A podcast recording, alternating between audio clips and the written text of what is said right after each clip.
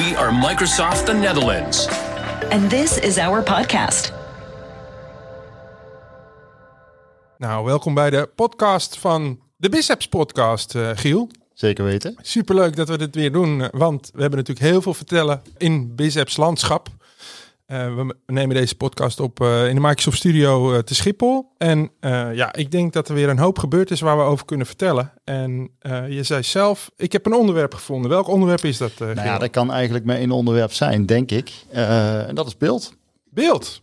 Niet beeld in, in, in plaatje, Nee, maar als in bouwen. is in bouwen. Ja. De Engelse beeld. De Engelse beeld. En, ja, en, ja. en wat, is, wat is beeld precies? Ja, dat, ik denk dat dat wel een beetje uitleg eh, vergt. Beeld is de bouwersconferentie, laat ik het zo maar noemen. Dus dat is, eh, Microsoft is een hoop conferenties. Dat weten jullie luisteraars misschien wel. Maar beeld is echt voor de techneuten, voor het bouwen. Oké. En dan denk je bouwen en BizApps, gaat dat samen? Nou, er moet toch ergens iets gebouwd Er worden? moet er ergens iets gebouwd Ja. worden. Ja, dus, dus zeker vanuit BizApps perspectief is, eh, is beeld eh, absoluut eentje op te volgen. Zeker als je... Ja. En is het beeld groot? Hoeveel mensen komen daarop af? Ik Weet je echt dat? geen benul. Volgens Nee? mij is het hartstikke groot. Ja, hartstikke groot, hè? Alles, alles in Amerika Zullen we een bedrag gaan hangen? 10.000 eh, bezoekers? Maar vooral online, hè? Je kan alles online bekijken natuurlijk. Dus je kan je nog steeds registreren volgens mij op beeld. Dat je de video's terug kunt kijken. De, de on-demand Ja. presentaties en ook de presentatie zelf kunnen downloaden. Hè? Dus je hoeft niet al, alleen maar de video's te kijken met de uitleg erbij. Maar ja, beeld is inderdaad een eh, geweldig mooi eh, event. En we hebben er ook een aantal aankondigingen gedaan. Hè, los van het feit met al die, hè, wat je zelf zei, eh, de co-pilots en AI's. Maar we willen het over iets anders hebben. Dat is de Power Platform Fabric. Of is het niet van Power Platform? Nee, het is volgens mij het Microsoft Fabric. Microsoft Fabric. Ja, ja. Oké, maar je kan het wel heel goed gebruiken in Power Platform. Want er zit ook een stuk Power BI in, toch? Ja, absoluut. Ja, Nou, precies. en- en zoals ik het zie, is, eh, en het is niet 100% mijn vakgebied, maar ja, alles is in elkaar aan het overgaan, dus we moeten het overal over hebben. Ja, Ehm, en dat geldt ook hiervoor. Dus eh, eh, je, je ziet de, de Power BI functionaliteiten zie ik gewoon opgaan in Fabric. Of Fabric zie ik opgaan in, in, in de Power BI BI. functionaliteiten. Maar net hoe je het ziet. maar het is niet een rebranding van Power BI. Nee, het is een samenvoeging van verschillende dingen. En Power BI is daar onderdeel van. Ah, Althans, oké. als, je, als je de Fabric User Interface eh, Mhm. eh, en in zo'n filmpje heb ik dat kunnen doen, Ja, dan denk je, ik zit naar Power BI te kijken. Maar er zijn allemaal dingen bijgekomen. Dus precies. het is, het, het is, kijk, Power BI is vanuit BI-perspectief is dat echt, ja, de user interface, laat ik het zo maar even noemen. En er zit Ja. een hele technische wereld achter met, eh, met eh, data lakes en, en, en, en Precies. warehouses en, en synapse en andere dingen. Mhm. Eh, en Fabric brengt heel veel van dat spul samen om het nog gebruikersvriendelijker te maken. En dat is natuurlijk hartstikke mooi. En is de, kijk, want met Power BI konden we al heel veel dingen doen. Mhm. Dus ik zou bijna vragen, eh, wat lost Fabric op wat we met Power BI niet konden doen? Of is het puur een simplificatie of een, zeg maar, marketingterm om iets, zeg maar, mooier neer te zetten dan het voorheen was? Ja, ik denk dat met name het eenvoudiger is geworden om de toolset die er al is, om die, die wat beter in te kunnen zetten. Juist. Dus als je zegt, ik heb data in een SQL database zitten, Ja. bijvoorbeeld een FNO database of ik heb het in Dataverse zitten, Precies. eh, hoe je dat dan naar, naar een data lake krijgt om daar fatsoenlijk op te analyseren, ja, dan moet je als BI-specialist, moet je daar allerhande tooling op loslaten. Ja, Uh, Synapse Link, wat ik zei, je moet met Spark Pools in de gang en allemaal andere moeilijke dingen die collega's van ons doen. juist. Uh, en, en Fabric maakt dat makkelijker. Oké. Ik, denk- ik denk dat dat wel een hele interessante is. En eigenlijk hebben we het dan stiekem niet echt meer over BizApps, maar ook toch wel wel. En dat vind ik interessant. Oké. Oké. Dus het is echt een toevoeging aan de suite van BizApps Zo zie ik het. om, ja. om zeg maar eruit te halen wat erin zit. Ja. Want met BizApps, zoals we weten, standaard krijg je geen data lake. Hè, je hebt een database of een data service en daarnaast ook een dataverse. Hè, die ook als dataverse of eh, data service zou kunnen bestempelen. Ja. Maar eh, uiteindelijk wil je dus met je Power BI niet op de directe databronnen ingrijpen, maar meer op je data lake. En dat lossen we met Fabric op. Ja, ja, ja. En, en onderdeel van Fabric is, eh, of in ieder geval gelieerd aan Fabric, is bijvoorbeeld ook een nieuwe creatie die ik ook op beeld voor het eerst gehoord heb, is OneLake. One Lake. Ja. Leg eens uit. Ik ben heel benieuwd. Nou ja, volgens mij is dat inderdaad je ene data lake, waar al je data dan ook weer mooi samenkomt. En met, met Fabric kun je dat organiseren. Dus dat kan BizApps data zijn, maar dat kan ook prima andere data zijn Ja, die daarin Precies. naar binnen komt. En Ja. in je data lake leeft die in Azure of zo? Moet ik het zo zien? Eh, ja. Oké, ja, dus ja, je hebt een ja. Precies. Je hebt een Azure subscription en daar kun je gewoon een data lake zeg maar aanmaken. Ja, in de storage account. En uh, daar sluit het dan op. Ja. Juist. Is dat dus duur? Is, uh, of, of, of? Dat is heel goedkoop. Oh, ik heb uh, interessant. hoe goedkoop dat Dit is veel goedkoper dan bijvoorbeeld Dataverse data. om het een voorbeeld te noemen. Ja, daar hebben we gesprekken over gehad e eerder. dus dat is mooi dat we daarover beginnen. Maar nee, ja, Dataverse data is kostbaar. En dat is ook logisch. Hè? De plausibele verklaring is dat je data niet eenmalig staat opgeslagen, maar op verschillende plekken in sync wordt gehouden. Mm -hmm. zo real-time mogelijk data moet kunnen uitspugen. En Data Lake is gebaseerd op zeg maar Azure Storage of Azure Blob Storage, geloof ik. En op dat moment is de data een stuk goedkoper en soms zelfs een factor 100 goedkoper. Ja. Dat is schreeuwend weg een hoop uh, goedkoper. Ja, precies. En ik kan me voorstellen dat je niet op alle dure facturen van Microsoft zit te wachten. Nee, en dus moet je, als je je data in de cloud hebt, moet je gaan nadenken, wat sla ik nou waar op en welke techniek gebruik ik waarvoor? Dat is een heel ja. relevant onderwerp aan het worden. Ja, ja, ja geniaal. Kijk, zeker, zeker vanuit de wereld waar ik uh, uitkomstig ben, hè, de ERP-wereld, uh, in mijn geval dan de FNO-wereld, mm -hmm. had je ook niet echt de mogelijkheid vroeger om, om data op andere plekken op te staan dan alleen maar in die database. Dus het in je database opslaan was gewoon de norm. En, en, als je dat naar de cloud deelt, dan is dat nog steeds de norm. Maar het is misschien helemaal niet de beste plek. Nee, nee, nee. Dus je moet echt, ja, je hebt nu meer mogelijkheden om te kiezen waar ja. gaat je data naartoe en welke prijs zit daar uiteindelijk aan vast. Precies. Maar je wilt niet beperkt worden in functionaliteit of andere zaken. En daar gaat Fabric dus een oplossing voor bieden in de vorm van, uh, nou in dit geval onderdeel Power BI. Maar wat zit er nog meer in Fabric? Heb je daar... Uh... De, je Spark Pool staan onderdeel van, uh, je, Ja. je data lake staan onderdeel van. Um, Ja, precies. dus het is echt samen. een, een alles in één eh, applicatie geworden om te voorkomen dat je allerlei verschillende services aan moet zetten. Ja, dat en- wordt dan allemaal voor je geregeld. Ze moeten. Die technieken zitten er wel onder, Ja, maar je hoeft ze niet Dus het allemaal is handmatig te configureren. eigenlijk gebaseerd op bestaande technologieën en bewezen technologieën in één grote Azure Cloud, dan wel Dynamics eh, platform. Ja, En uiteindelijk komt het allemaal samen in een, eh, in een fabric. Ja, ik ben heel benieuwd of je dat in één keer zo zeg maar aan kan zetten en dan Ja, gelijk. Ik, data. ik zou zeggen, iedereen registreer je nou voor beeld, ga dat filmpje kijken en dan eh eh, Ja. kun je je mening. Ik ben trouwens ook heel benieuwd hoeveel eh, eh, commentaar eh, wij op basis van deze podcast krijgen van allemaal hardcore BI-specialisten die dan zeggen, ja, luister Kuipers, nou, niet zo lullen. ik, eh, ik, ik nodig ze graag hieruit om uit te leggen hoe het exact in elkaar zit. Dus Oh, eh, mochten ze die commentaren hebben, ze mogen meteen eh, een e-mail sturen naar onze e-mailadres en weten ons echt wel te vinden. En eh, ja, Of dan gaan we de, LinkedIn. Of anders LinkedIn, geen probleem. Ja, eh, Giel Kuijbers of eh, Steven Vlaanderen Oldenzeel. Ik denk dat, eh, dat we prima te vinden zijn. Eh, hartstikke leuk. En eh, bij deze ook de uitnodiging aan iedereen om eens een keer deel te nemen aan deze podcast. Zodat we een leuk, eh, ja, zeg maar, eh, set aan onderwerpen kunnen behandelen. Ja, Fabric was dus één onderwerp op Mhm. beeld die eh, boven kwam drijven. Zijn er nog andere Nou, onderwerpen misschien geweest? een leuke waar jij iets over kunt vertellen, over eh, een stukje Power Platform en het heel makkelijk maken van een app. Oh, Oké, Daar ja. was jij van de week over bezig. Ja, dat klopt. Ja. Ik ben daar eh, even goed ingedoken. Ik vond het bijster interessant. Ja, apps bouwen binnen Power Platform is natuurlijk een vrij eh, nou ja, standaard of commodity-achtige handeling die je doet. Hè. De Power Platform wordt vaak gekozen als je een app wil bouwen op basis van, nou ja, laat ik zeggen, simpele data of simpele apps. Voorheen zou je een Excel-formulier pakken en je maakt dat kolommen en je maakt wat rijen en misschien wat tabbladen. En dan ga je binnen die veldjes natuurlijk eh, eh, bepaalde linkjes leggen of afhankelijkheden. Conditional formatting ga je toepassen. Als je een veld van kleur wil veranderen, als een eh, waarde negatief wordt of juist positief wordt. Nou, dat kun je allemaal doen met Excel. En in feite is Excel al een vorm van een app.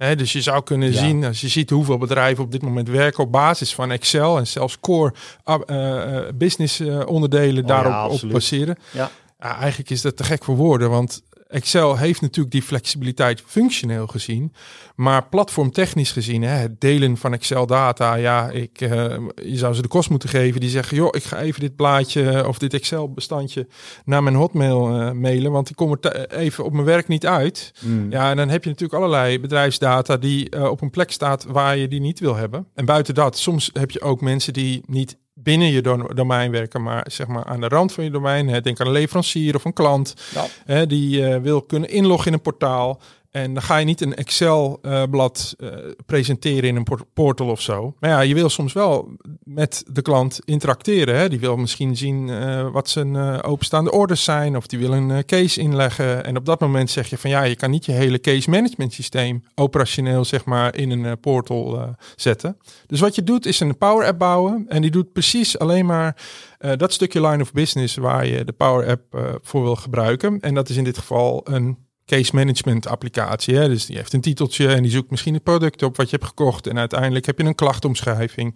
Misschien heb je een status en een, uh, en een, zeg maar een engineer die gedispatcht wordt. Maar meer dan dat is het ook niet. Hè? Dus mm prima te, vorm, uh, te vangen in één formulier. Maar ja, dat zou je normaal in Excel doen. Hè? Ik kan me voorstellen dat je daar een paar kolommen van hebt met een datum en een tijd en een, nou ja, misschien een, een, een soort van duration, wat is een uh, wat simpel een uh, calculated uh, field zou kunnen zijn. Maar ja, hoe ga je dat nou in een app ombouwen? Voorheen zou je zeggen, joh, je gaat naar de studio, hè, zoals je eigenlijk ook doet met PowerPoint, een leeg canvas hebt en je sleept wat componenten erin, een plaatje of tekst.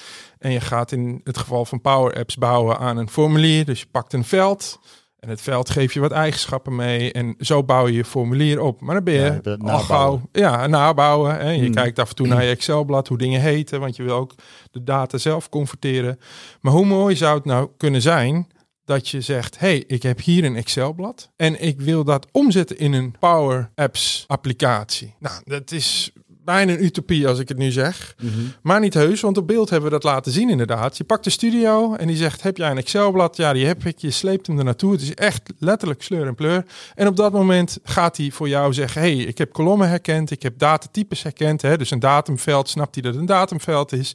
Een statusveld begrijpt hij, hey, dan moet uh, open of closed of misschien zit er iets tussenin. En die, die waardes die worden dus op die manier uh, ingevuld. Het is niet allemaal plain text of zo wat erin uh, in terecht komt. Maar uiteindelijk maakt hij daar dus al een pro forma app van. En dan laat ik zeggen, je bent al lang 70, 80 procent onderweg. Het is niet een 100 procent functionele app. Mhm. Maar je krijgt er ook nog eens assistentie bij door een soort van nou ja, AI-engine die zegt, hey, uh, zijn er bepaalde velden die nu ontbreken? Nou, ik uh, zie dat het veld locatie ontbreekt. Die wil ik graag toegevoegd hebben. En de app wordt voor je neus ontwikkeld. En op dat moment klik je gewoon op next en dan bouwt hij zeg maar die app voor je. En die app is dan gelijk operationeel. En het leuke is dat er zelfs een co-pilot bij zit. En dat, ja, misschien moet ik het niet zo noemen, maar het is eigenlijk een, een, een promptbox. En die promptbox die laat je eigenlijk uh, meteen crawlen door jouw data. Dus je kan gelijk zeggen, hey, wat zijn mijn openstaande cases van vorige maand? En die antwoorden komen dan gelijk in uh, die promptbox. Ja, naar voren toe. En ja, natuurlijk was de app misschien net zo goed geweest, misschien zelfs een klein stukje beter, als het niet automatisch was gebeurd. Maar je bent hiermee zoveel sneller uh, met het bouwen van dit soort applicaties. Terwijl je voorheen natuurlijk je tijd en je effort in die Excel-blad hebt gestoken. En je denkt van ja, daar heb ik geen zin in om dat nog allemaal een keer te doen in het Power Platform. Ja, en het is natuurlijk een hele mooie showcase van wat er allemaal mogelijk is. Ja, het is, het is echt. Ik, ik stond stijl achterover toen ik dat zag. Ik denk, nou, dat, hè, we hebben weer een stap efficiëntie weten te maken. Mm. En, en ook want dat is de reden waarom je Power Platform en, en, apps gebruikt, is dat je natuurlijk wel de mogelijkheid hebt om te delen en met, met security rollen kan werken en eh, ja. ervoor te zorgen dat niet zomaar data via een hotmailtje even naar buiten gaat, maar wel de flexibiliteit hebt en uiteindelijk uh, onwijs uh, ondersteunend is aan je businessproces. En dat vind ik geniaal om te zien. Dus ik ben eigenlijk benieuwd wat nu weer de next step gaat worden. Ik zou bijna zeggen van straks gaat hij ook nog de cases voor je vangen en dan heeft hij de, nou. de service engineer helemaal niet meer nodig. Maar... Kijk, weet je, dat is met die oude Excel sheets, hè? super jaren 90 natuurlijk. ja,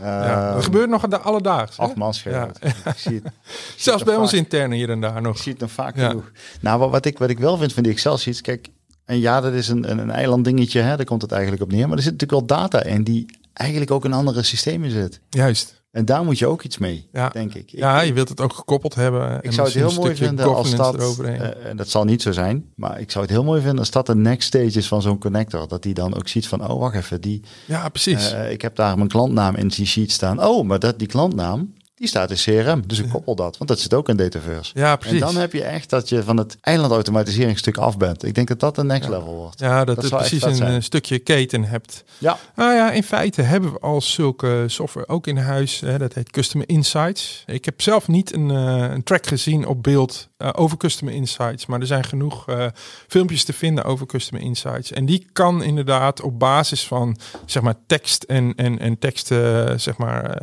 brandherkenning en dan moet je natuurlijk ook een beetje, zeg maar, eh, in, in, in architecten hè, modelleren om te kijken van oké, welke velden horen bij elkaar. En dan maakt hij dan één profiel, één klantprofiel van.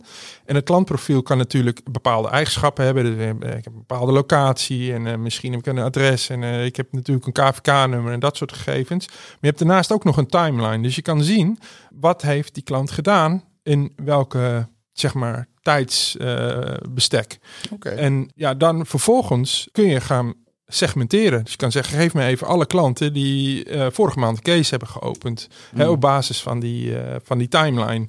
En het segment is weer ontzettend belangrijk, omdat je dat kan gebruiken voor je marketingdoeleinden en dergelijke. Ja. Dus dat grijpt wel enorm in elkaar op dit moment. En eh, ja, die Power App die ik net beschreef, die zou je dus prima als brondata kunnen geven aan eh Customer Insights. Dat is gewoon standaard te maken. Ja, En zo zie je dat als je eenmaal in dat, in dat ecosysteem zit, Ja, als je je data al ingebracht hebt, dan heb je dus zoveel meer mogelijkheden. inderdaad. En, en dat is de echte meerwaarde. Ja. Dat allemaal die, die, die toepassingen op, Ja. op de data die je in je Excel-sheet had, dat is de echte meerwaarde. Ja, en om het cirkeltje helemaal rond te maken, onder het Custom Insights platform zit het Data Lake.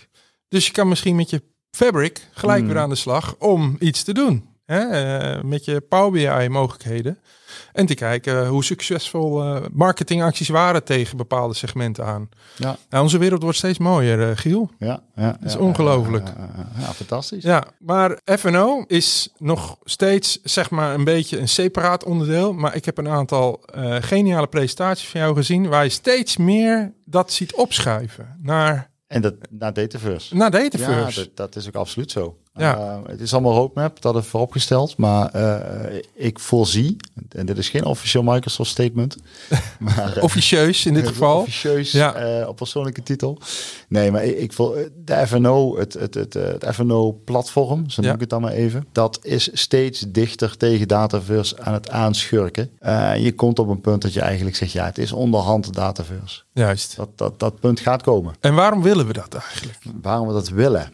Nou, dat, is een heel goed verhaal. Omdat we dan één dataplatform hebben. Alles aan elkaar kunnen knopen. Alles kunnen connecten. Mhm. eh, veel makkelijk de verschillende eh, Dynamics producten kunnen implementeren. Waarbij je nu ziet dat het echt nog wel Ja, gescheiden werelden zijn. Hè? CRM en. ERP zijn twee verschillende Systemen, werelden. Twee werelden. takken, twee takken van sport ook. Ja, dus dat, dat gaat langzamerhand eh, in elkaar over. Je wil die klantvraag die je hebt, hè, wat dus in de CRM-wereld leeft, die altijd wijzigende klantvraag, die wil je zo goed en zo transparant mogelijk naar je delivery toe vertalen. juist. ERP dus. Ja, En dat gaat het beste met één dataplatform. ja. Dus ik denk dat dat is, business-wise, is dat wat erachter zit. Ja, maar zonder uit het oog te verliezen dat EEP natuurlijk een transactioneel eh, gedrag heeft. Hè, een transactioneel model onder Ja. zich heeft. Want dat is wat Dataverse niet heeft.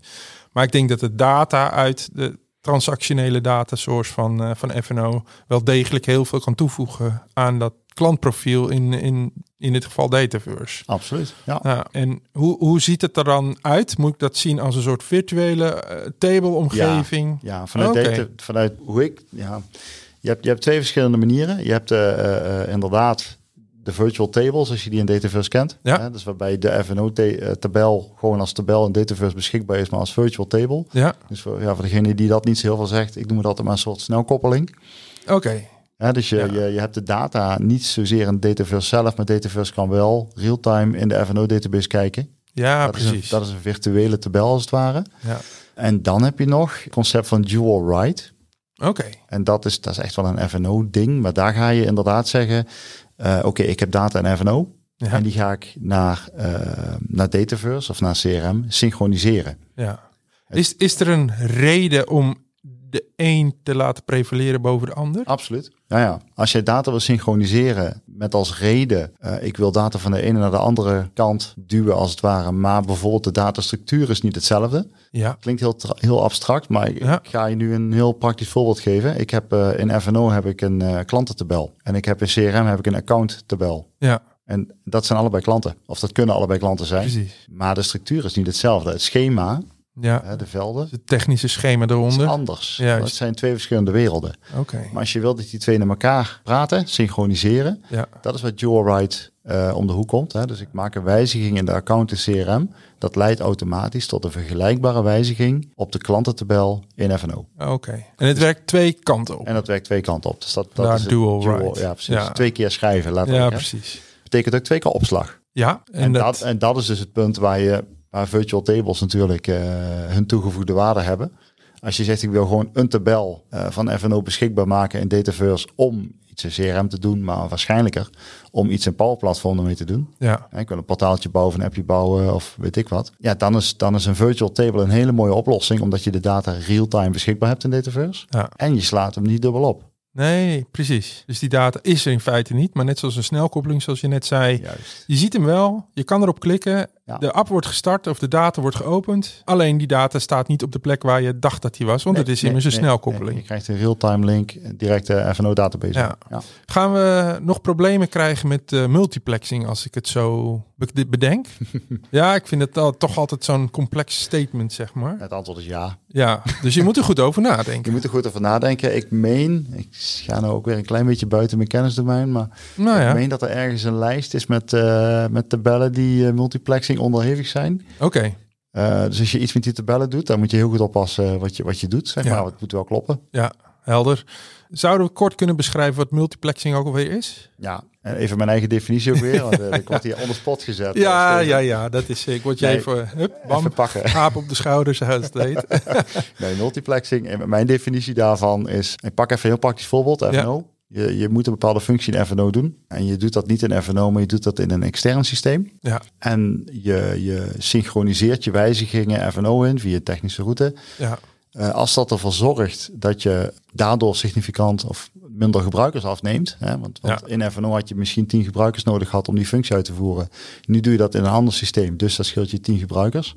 Precies. Dan noemen wij dat binnen Microsoft multiplexing. En dat is iets wat conform de licentievoorwaarden niet is toegestaan. Ja, oké, heel interessant. Laten we het wel even bij, maar er is er Ja. genoeg, want de devil zit in de detail. En het, ik denk ook voor el- elk eh, bedrijfsproces dat het anders is. Ik weet dat het in CRM ook bestaat. En dan heb je het voorbeeld van, hey, ik ga e-mail tracken naar CRM toe. Zo gauw als je geen eh, user bent, mag je dat niet doen. Eh, dan zou je Hmm. kunnen zeggen, ik forward mijn e-mail naar degene die dat wel mag doen. En dat noemen wij multiplexing.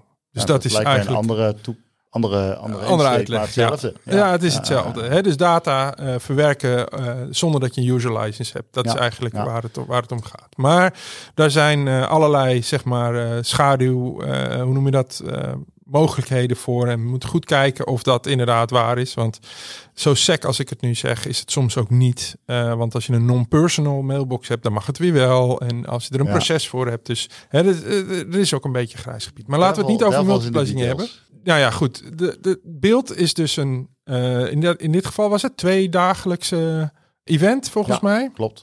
En eh, waarom is beeld interessant? Omdat er ook heel veel product group managers zijn die presentaties komen geven. Dus die echt op de core van het product zitten. En dus ook heel duidelijk de visie en strategie en de filosofie van het product kunnen weergeven. Mhm. Nou, we hebben het gehad over eh, Fabric. We hebben het gehad over eh, nieuwe functionaliteit in het Power Platform als het gaat om apps bouwen. Is er nog een beeld aankondiging geweest waarvan we zeggen, nou, daar kunnen we eigenlijk niet omheen? Of hebben we op zoiets, op dit moment zoiets van, nou, we moeten maar even kijken wat we hiermee al kunnen? Ik wou net zeggen, dat, daar zijn natuurlijk, beeld is veel groter, maar het is ook echt een ontwikkelaarsconferentie. Dus, Ja. dus eh, zeker in de, in, de, in de veel technischere hoek, zeg maar, zijn er nog allerhande andere eh, aankondigingen Aan- geweest. Maar Ja. ik weet eerlijk gezegd niet precies wat dat was, want dat is mijn domein niet. Nee, oké, prima. Maar dat geeft verder niet. Ik weet stiekem nog wel eentje. En eh, we zouden eigenlijk niet over het woord hebben, maar Copilot Oh, in, toch, ja. in... Ja, we moeten het toch even over hebben. Heel kort. Eh, eh, de Copilot in GitHub. Want ik weet dat dat niet een allernieuwste functionaliteit is, maar ik weet wel dat die is uitgebreid en dat die actueler is gemaakt. Dat is natuurlijk onwijs interessant, want eh, als je een applicatie aan het bouwen bent en je krijgt in Copilot suggesties te, krijgen, te zien eh, die je kan gaan accepteren. Ik hoorde dat AI, hè, die achter Copilot zit, op dit moment al verantwoordelijk is voor bijna 50% van het maken van nieuwe applicaties. En als ik dan ga filo- filosoferen, hè, dat, dat Copilot stuff in GitHub is nu zo'n paar maanden oud, laat ik zeggen vier, vijf maanden. Op dit moment maakt AI al 50% van de applicaties. Hè? Wel met governance en, en controle van de, van de developer zelf. Maar die klikt dus op die Copilot suggesties en die zegt ja, dat vind ik prima. En dat is ook eigenlijk wel logisch, want als je een app aan het maken bent, je moet ergens een button op een scherm creëren. Dat is natuurlijk al duizenden keren eerder gedaan. Dus heel Mhm. simpel, snapt die Copilot wat je wil doen. Dus de accuraatheid en de typo's die je normaal had, die heb je nu niet meer. Want Copilot die genereert natuurlijk iets voor je wat zeg maar werkzaam is. En je hoeft alleen nog maar te alteren, want misschien wil het kleurtje of de tekst op die button veranderen of misschien de locatie van die button. Maar generiek, de, het gros, grosso modo, werkt die button al helemaal zo wat hij zou moeten doen. Maar dat betekent dus dat als nu al 50% van de code geschreven wordt door een AI-bot, dat dat misschien in de toekomst al naar de 70, 80% zou kunnen gaan. Dat betekent dus dat er steeds meer code komt die geschreven wordt door code. En uiteindelijk wordt dat een beetje een self-fulfilling prophecy. Ik vind dat eigenlijk wel een hele spannende gedachte. Ik weet niet hoe jij dat ziet. Ja, kijk, op dit moment is het heel nadrukkelijk een co-pilot. Ja. Hè? Je geeft het ding instructies en, en, en dat ding maakt dan de code voor je. Dat is een limiterende factor hè, op dit moment. Ja, Want ben als, ik met je als eens. de mens stopt met instructies geven, gaat Copilot ook stoppen met code schrijven. Ja, ja, het is echt een co-pilot en een, en een suggestiebox Dus, inderdaad. dus dat, daar stopt het dan. Ja. Hey, maar wat misschien wel nog een nieuwtje is rondom Copilot, als we het dat toch over hebben, eh, was ik nog even, even vergeten. Microsoft Copilot. ja, En Inderdaad. ehm, ook daarin, en dat vond ik wel een hele mooie de toevoeging, om ook Dataverse data te gebruiken. in Binnen je Microsoft in je Copilot. Microsoft Copilot. Dus dat is als- bijzonder. als eindgebruiker zijnde Ja. ben je ook straks helemaal niet meer met een Dynamics product bezig, maar ben je gewoon Microsoft Copilot aan het bevragen en die, die gaat dan iets met je data doen. Ja. Dat is natuurlijk wel een aankondiging die ook gedaan is. ja, Ja. maar die hebben we nog niet live gezien, toch? Nee. Nee, die is echt een aankondiging geweest. Maar ik kan me voorstellen, je krijgt een, bijvoorbeeld een bericht binnen of een e-mail of iets en die zegt van, goh, eh, maak een opportunity in het systeem. En by the way, ik wil een pro forma offerte hebben. Maak hem voor mij. En op dat moment gaat hij met suggesties komen. Ja. Ja. dat, dat idee. Maar ik dacht dat Microsoft Copilot ook ging helpen bij bijvoorbeeld, eh, je hebt een nieuw Bluetooth apparaat dat die zegt, maak even een connectie. En promptwise. Ja. Ik heb ook een filmpje gezien over de party integratie, Ja? Jira integratie. Oh, Jira. Waarbij, eh, de- voor degenen die dat niet kennen, hè, een incident eh, een work tracking tool. Ja, Ja, daar werd gewoon een verhaal geschetst van, hey, ik ben nu met dit probleem bezig en eh, eh, laat even weten welke tickets er openstaan in Jira over dat onderwerp. Nou, dan kwam er een mooi lijstje en dan Ja. was het, oh ja, dit is de oplossing. Werk ze even alle tien bij je. oh, oké. Goed, klaar, einde, Ja. einde verhaal. En het is Dat onze co-pilot die daarbij helpt. Ja, ja, maar wel in het. Jira-product. Ja, ja. Ik zou bijna zeggen, dit willen we natuurlijk in eh, Dynamics hebben. Dit zou ik heel mooi vinden als het in Dynamics komt. Ja, toch? Zo zeggen. Ja, Ja. maar het zijn dan plugins in. Copilot. Geniaal. Ja, dat Ja. wordt nog wat. Ja, dat wordt zeker nog wat. Ja, ja en dan moeten we ook nog eens allemaal demo-paar maken en kijken wat, eh, wat de oplossingen daar wel zijn. Ja, ik kan niet wachten tot dat deze kant op komt. Nee, Absoluut. nee. Wanneer is de volgende beeld? Weten we dat? Volgend jaar zomer? Eén keer per jaar, hè? Eén keer per jaar. Dus Volgens mij, ergens ja. mei volgend jaar, laten we zeggen derde week in mei. Want dat was dit jaar ook. Dan hebben we weer een eh, developer conference beeld. Ja, Ja. Gaan we daar naartoe? dat zou ik heel leuk vinden. Ja, hè? Dan moeten we even kijken of we daar... eh, Maar eerst komt Inspire eraan. Inspire is volgens mij 18, 19 juli. En Oh ja. we hebben hem in Nederland dan 19, 20 juli. Dus dan nodigen een hoop mensen uit. En eh, gaan we ook weer eh, radio maken in deze podcast eh, studio. Leuk. Nou, laten we hem afsluiten. Bedankt voor het luisteren aan iedereen. Hele fijne dag nog verder. En laat ik zeggen, tot de volgende podcast. Tot de volgende podcast. Komt goed, Giel. Dit was de verkeerde. Nee, welk, weet je welk knopje het was? Ja, deze moet ik hebben. Bedankt voor het luisteren naar deze podcast van Microsoft Nederland.